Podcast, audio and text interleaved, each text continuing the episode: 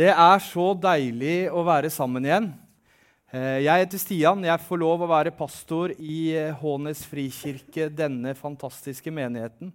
Jeg får lov å være et uh, lem på et legeme, og et, lem, som kanskje strekker den armen litt lenger enn kanskje mange vil. Men jeg tror at det er så utrolig viktig at vi alltid er i bevegelse. For det som skjer med stillestående vann, det er at det råtner. Stillestående vann råtner. Og vi, vi altså, En ting med menighet som jeg har liksom tenkt mye på i det siste, det handler om det at eh, vi har mange visjoner og ideer, og vi, vi, presser de gjerne på andre med hvordan den perfekte menigheten, hvordan den perfekte Hånes frikirke skulle se ut. Og vi bare å, sånn og sånn og sånn og sånn må vi gjøre. og sånn må vi gjøre. Eh, og, og, spesielt vi som er litt ekstroverte, har i hvert fall enda mer sånne tanker. på, og, og, vi planter det inn i menneskers hode. Og vi planter kanskje så mye at vi ikke registrerer hvor fantastisk vi faktisk har det. For vi har det ufattelig godt her, og vi har rom til mange flere. Og denne kirka den skal være et, et sykehus for de som er utslått.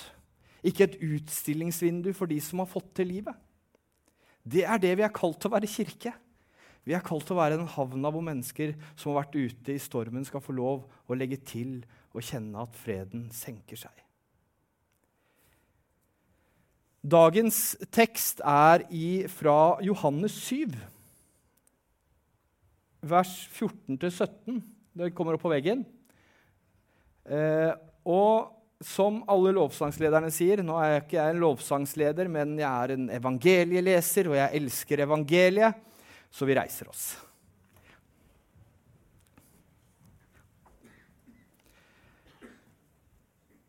Det var alt midt i høytiden, da Jesus gikk opp på tempelplassen og begynte å undervise. Jødene undret seg og sa, 'Hvordan kan han ha slik kunnskap?' Han som ikke har fått noen form for opplæring. Jesus svarte, 'Min lære er ikke min, men kommer fra Han som har sendt meg. Den som vil gjøre Hans vilje, skal skjønne om læren er av Gud, eller om jeg taler ut fra meg selv. Vær så god, sitt. Vi takker deg, Herre, for at, eh, at du kom ned til oss. Du kom for å vise oss hvem din far var. Du kom for å vise oss hva din vilje var. Og du kom for å, å statuere et eksempel på hvordan vi som mennesker kan leve. Herre, vi ønsker å gi deg våre liv. Vi ønsker å gi deg denne dagen. Herre, form oss i ditt bilde. Form oss etter din vilje og i din kjærlighet. Herre, takk for at vi kan kalles dine barn. Og led oss gjennom dette livet med din visdom og vilje. Det ber vi om i Jesu navn. Amen. Jeg har jobba med denne preken en måneds tid eh, i hodet mitt. Eh, og i går ble jeg spurt eh, Stian, har du lyst til å være med ut og se på James Bond på kino og ta noe god mat eh, en gjeng med kompiser. Eh, nei, jeg kan ikke. å sitte hjemme og skrive preken. Eh, så jeg har hatt den i hodet en måned, men den måtte ned på papiret. Og, og, det handler litt om at da måtte jeg velge bort noe som jeg syntes var kjempegøy, fordi at dette er kjempeviktig. Sant? Og Hadde Stian for fem år siden fått det samme spørsmålet, så hadde Stian gått ut og sett på kino og kommet sånn halvhjerta, eh, stressende ned her og hatt et eller annet. Eh, men, men, jeg tror at eh, av respekt for dere og respekt for Guds ord så handler det om at vi som skal stå her oppe, lever i dette. Jeg mener det jeg sier.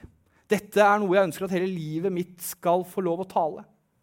Mer enn bare noen ord jeg uttrykker på en søndag formiddag. Så hva er Guds vilje? Hva er det Gud ønsker at vi skal gjøre som hans utvalgte barn? Jeg tror det er litt det Torgeir og Josef snakka om her i stad. Du skal ikke være for langt bak Jesus og du skal ikke være for langt foran Jesus, men jeg tror det handler om å være helt tett på Jesus.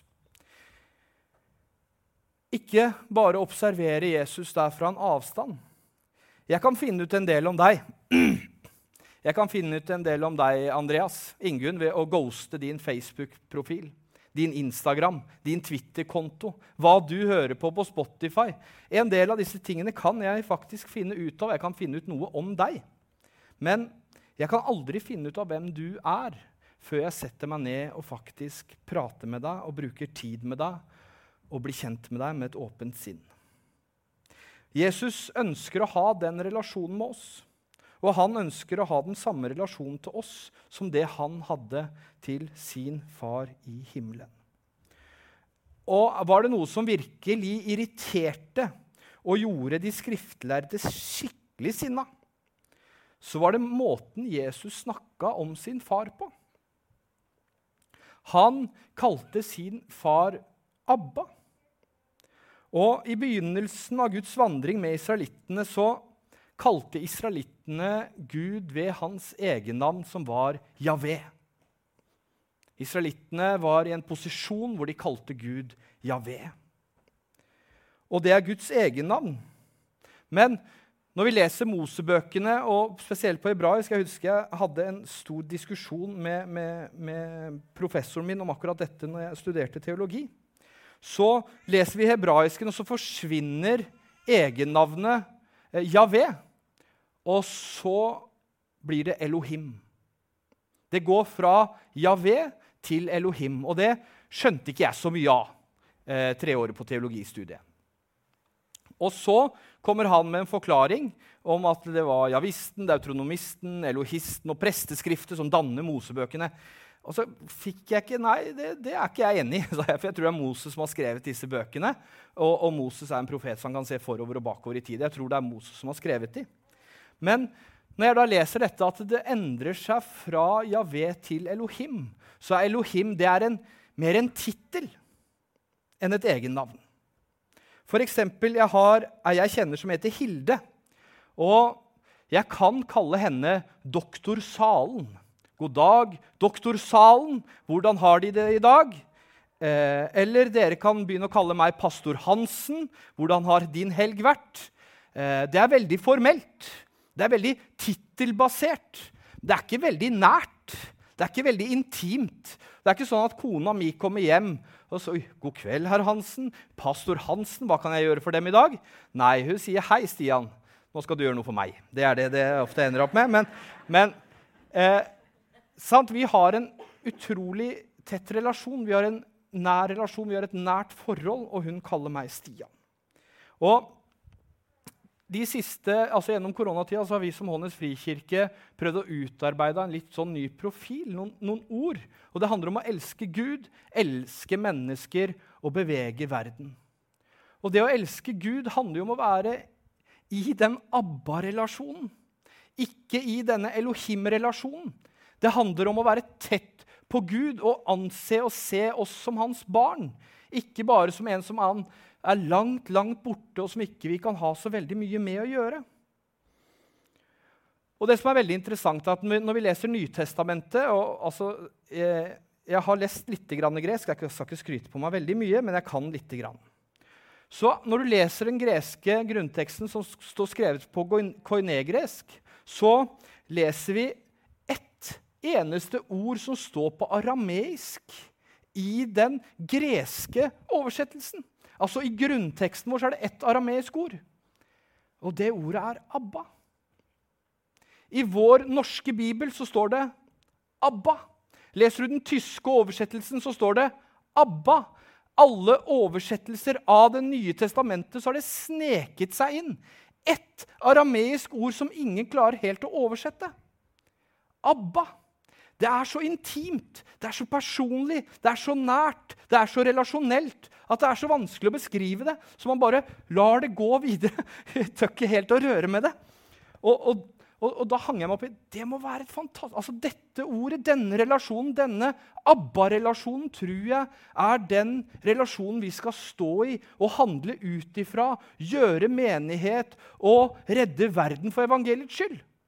Ut fra den posisjonen.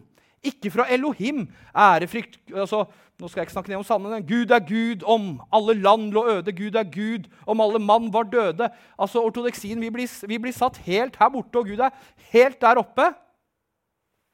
Og så kommer Hans Nilsen Hauge og så gjør han Gud helt inn i våre hjerter. Det er bevegelsen vi er i, og jeg tror at vi er akkurat der. At vi må bevege oss ut fra denne ABBA-relasjonen.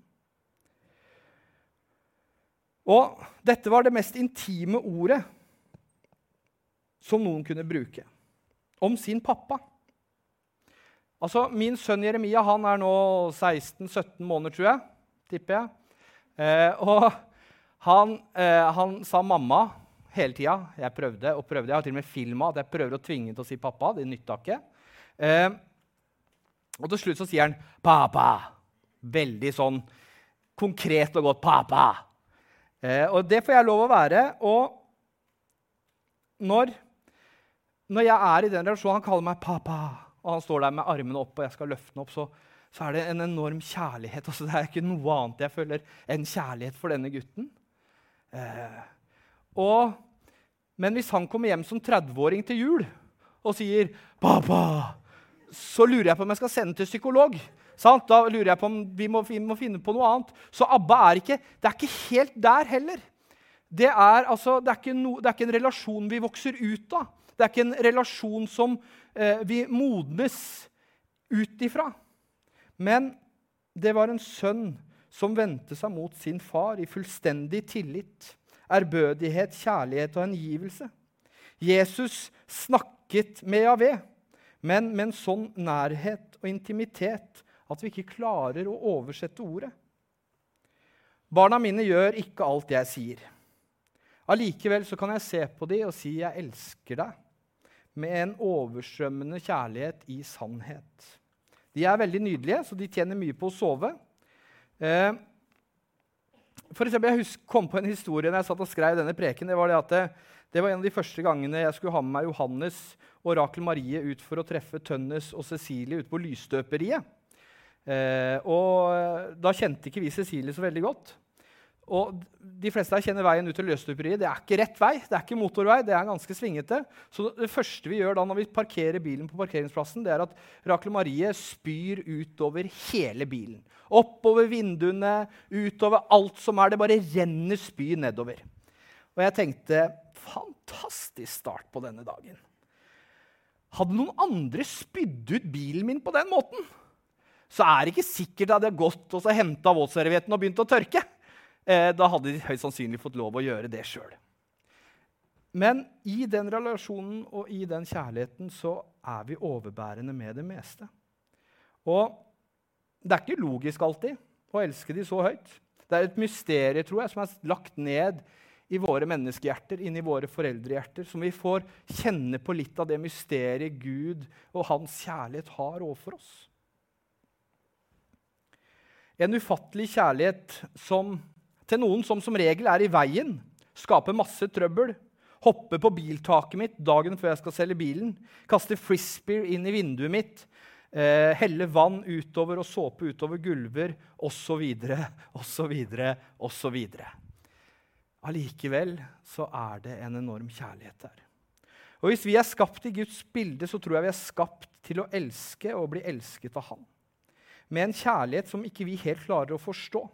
Uansett hvor langt bort vi prøver å løpe fra vår Herre, så er han der. Uansett hvor mye dumt vi gjør, så er han der. Lenge før jeg begynte å studere teologi, så elska Gud meg. Når jeg ikke skjønte så veldig mye om hvem Gud var, så elska han meg. Og selv om ikke jeg hadde lest hele den boka her og kunne alt på eh, hebraisk, arameisk og gresk og alle andre språk, så forsto jeg i min vandring med Jesus fra 2008, hvor jeg da kom ut fra elleve år med, med, rusmisbruk og festing og herjing, så skjønte jeg likevel litt hva som var Guds vilje. Og Det var i hvert fall ikke det jeg hadde drevet med de første elleve åra, men det var den veien som lå, nå lå helt åpen foran meg. Og jeg måtte ha en enorm tillit. For min farsfigur han har jeg tre gode erfaringer med. Det første var at første gangen i mitt liv jeg møtte han ordentlig, når jeg var 18 år, så solgte han bilen min for heroin. Det var det første han gjorde.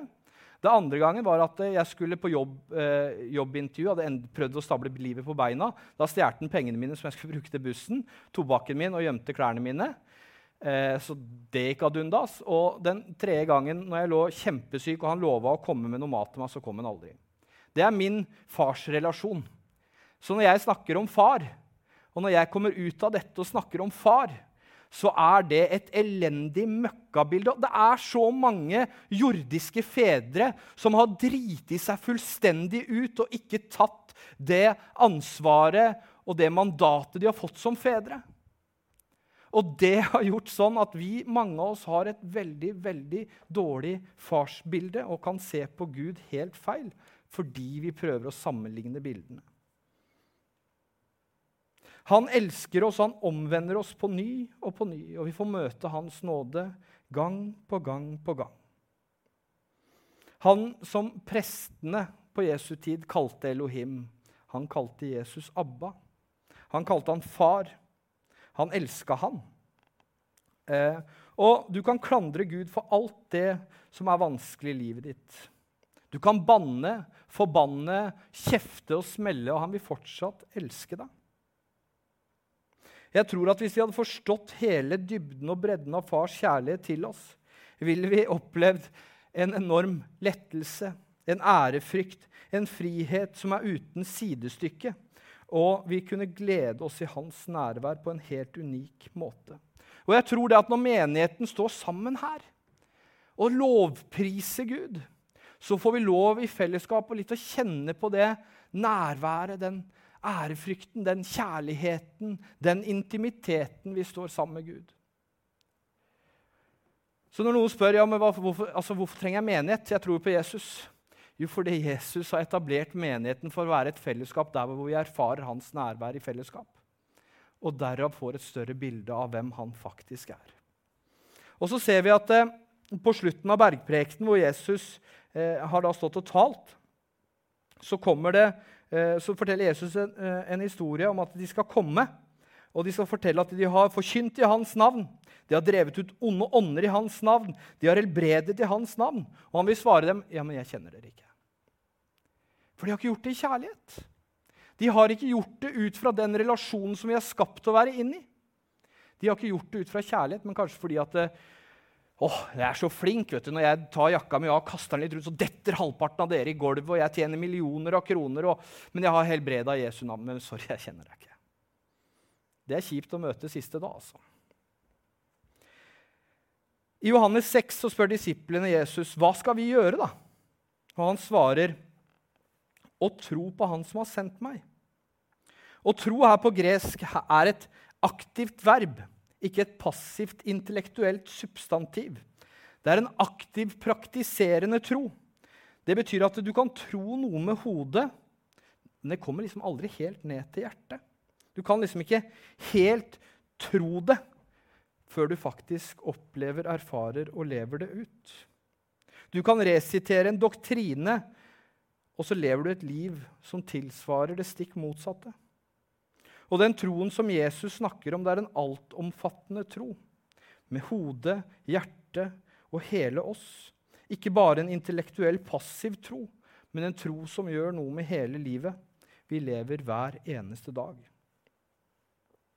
Så jeg tror Guds vilje er å elske Han. Elske Gud. I den relasjonen, intimiteten, tilliten, kjærligheten, slik at vi kan leve livene våre ut fra det, og ikke hele tiden prøve å gjøre oss fortjent til det. Jeg kjenner mange kristne som prøver å gjøre seg fortjent til Guds kjærlighet. Jeg vet at jeg aldri kan gjøre meg fortjent til det. Jeg må leve og lene meg inn i det. At Abba kommer helt inn i sjelen din. Jesus sier, 'Hvil deg inn i mine løfter'. At vi kan lene oss inn til Han og la, oss, la Han lede oss. For hvordan er det Johannes oppfører seg når Jesus og disiplene sitter til bords? Jesus sitter og prater om sin død, at han må reise, at han skal pines for vår skyld. At han skal stå opp igjen og han skal reise fra dem. Hva er det Johannes gjør? Jo, han lener seg inn til Jesu bryst. Han lener seg inn i hvilen og tilliten til Jesus. Dere har ikke utvalgt meg, men jeg har utvalgt dere. Rabbinerne på Jesu tid som skulle ta lærlinger eller disipler, det var sånn at det var tusenvis av unge, jøde, unge jødiske menn som studerte hele Toraen, studerte hvert eneste ord, kunne alt utenat, kom for å søke og få lov å komme inn til denne ene læreren. Gamaliel eller andre lærere i Israel på denne tida. Og det er litt som hvis du skal komme inn på NTNU eller legestudiet. Du må ha 6,2-6,3 snitt. Du må virkelig prestere for å gjøre deg fortjent til å komme inn på denne skolen. Og sånn var det også for alle disipler på Jesu tid. Men Jesus snur det hele på hodet. Han kaller fiskere, tollere Han kaller oss inn til seg. Det er radikalt, samtidig som det er hans vilje. Og jeg digger det. Og jeg tror at eh, når vi elsker Gud, kommer inn i denne ABBA-relasjonen, ut fra det så kan vi begynne å elske mennesker og bevege verden. Johannes skriver at 'han skal vokse, jeg skal avta'. Dette bildet som kommer på veggen nå, er malt på i 1485 av en renessansekunstner som heter Filippo Lippi. Jomfruen og barnet har opp gjennom tider fått ufattelig mye kritikk av kunstkritikere gjennom mange, mange århundrer. For proposisjonene er helt på trynet. Fjellene er for små, menneskene er for store, helgenene på siden av ser ikke ut som de er helt mennesker, de ser ganske sære ut. Og på 70-tallet var det en som het Robert Cummings, som også er kunstkritiker, og han skrev sin kritikk av dette bildet. Men han leita gjennom gamle, gamle manuskripter, så oppdaget han at noe som hadde vært tapt i århundrer, gjennom generasjoner, at dette var et av de få bildene på denne tida som ikke var bestilt av odelsfolk, adelsfolk, konger eller styrere, og ingen kunstgallerier som skulle ha det.